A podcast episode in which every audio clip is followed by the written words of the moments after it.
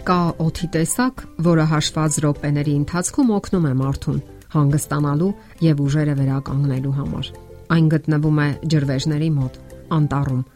Առաջանում է անձրևից հետո եւ կա մի ուրիշ օդ, որը բերում է նյարդային լարվածություն, ընկճված վիճակ եւ նույնիսկ ինքնասպանության մտքեր։ Իսկ ո՞րն է այդ տարբեր ազդեցությունների պատճառը։ Օդը պարունակում է դրական եւ բացասական լիցքավորված մոլեկուլներ՝ իոններ։ Դրանց էլեկտրական լիցքը առաջանում է էլեկտրոններ ձեռք բերելու կամ կորցնելու հետևանքով։ Մեծ քանակությամբ բացասական լիցքավորված իոններ պարունակող օդը ունի թարմացնող ազդեցություն։ Պատահական չէ, որ հանգստյան տները եւ առողջարանները հաճախ տեղակայվում են գետերի, լճերի,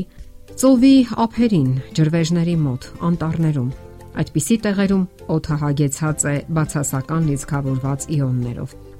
Առավելապես դրական լիցքավորված իոններ պարունակող օդը բնորոշ է տրանսպորտով հագեցած մայրուղիներին, օդակայաններին, վատ օդափոխվող տարածքներին։ Այն առաջ է բերում գլխացավ, տկարություն, դյուրագրգռություն, անքնություն, ընկճվածություն։ Որպիսի ձեր բնակարանի կամ աշխատավայրի օդը մաքուր լինի, լավագույն միջոցը պատուհանը բացելն է Փակ տարածություններում օդը անշարժությունից լճանում է եւ մարդիկ ստիպված են լինում այն շնչել ու արտաշնչել բազմաթիվ անգամներ։ Թթվասնի քանակը այնտեղ կտրուկ կրճատվում է, իսկ ածխաթթու գազի եւ այլ վնասակար նյութերի պարունակությունը աճում։ Այսպիսի մտնոլորտում գտնվելը կարող է գլխացավի, տկարության ու հոգնածության պատճառ լինել։ Աշխատեք օգտագործել նաև տվյալ տարածքի հատկապես ննջասենյակի օթափողության համար ամենաչնչին հնարավորությունն անգամ։ Ներս թողեք թարմոթը եւ բացասական լիցքավորված իոնները։ Օթի ամենավտանգավոր աղտոտվածությունը առաջացնում է ծխախոտի ծուխը սակայն իր որակով հետ չի մնում նաև վատ օթափողված սենյակների եւ օթի շրջանառություն ունեցող տարածքների լճացած օթը։ Այն տարածքները, որտեղ մարդը բնակվում եւ աշխատում է, պետք է հաճախ օթափողվեն։ Շատ տեղերում օթում կախված մանր մասնիկների թիվը արևի ցակելուց հետո էապես պակասում է։ Այդ պատճառով էլ անպամած եղանակին, որը նպաստում է օթում վնասակար թափոնների կուտակմանը, ավելի լավ է ամբողջ բնակարանը օթափողել երեկոյան կամ գիշերը։ Կարելի է նաև օգտագործել օթափողիչ սարք, հատկապես աշխատավայրում։ Դրանք ոչ միայն ստեղծում են մշտական միկրոկլիմա, այլև օդը մաքրում են մի շարք վնասակար նյութերից։ Իսկ ինչպես է օդը մարմնին էներգիա փոխանցում։ Մարդու օրգանիզմը իր կենսագործունեության համար թթվասնի կարիք ունի։ Մարդու մարմինը կազմող 100 տրիլիոն կենթանի բջիջներից յուրաքանչյուրը պետք է ունենա թարմ օդի անդադար ներհոսք։ Հակառակ դեպքում բջիջները պարզապես կմահանան։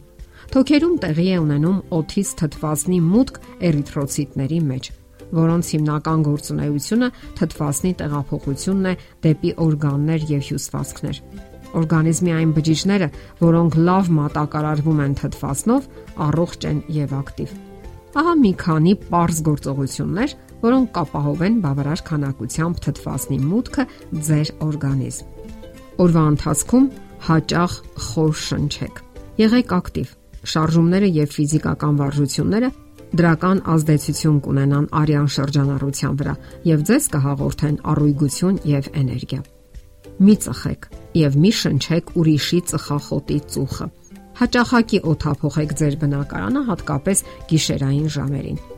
Աշխատանքի վայրում, եթե պայմանները թույլ են տալիս, կարճ ընդմիջումներ արեք ձգվեք, վեր կացեք նստած տեղից եւ քայլեք սեղանի շուրջ կամ վազքով բարձրացեք աստիճանները։ Շրջապատեք ձեզ կանաչ բույսերով։ Դրանք օթից կլանում են ածխաթթու գազը եւ արտազատում թթվածին։ Աշխատեք ավելի շատ լինել մաքուր օթում, բույսերի մեջ։ Աշխատեք այգում կամ առանձնատանը։ Եվ միշտ հիշեք, թարմոթը իր կնիքն է դնում ձեր ողջ օրվա վրա։ Եթերում առողջ ապրելակերպ հաղորդաշարներ։ Ձեզ հետ է Գեղեցիկ Մարտիրոսյանը։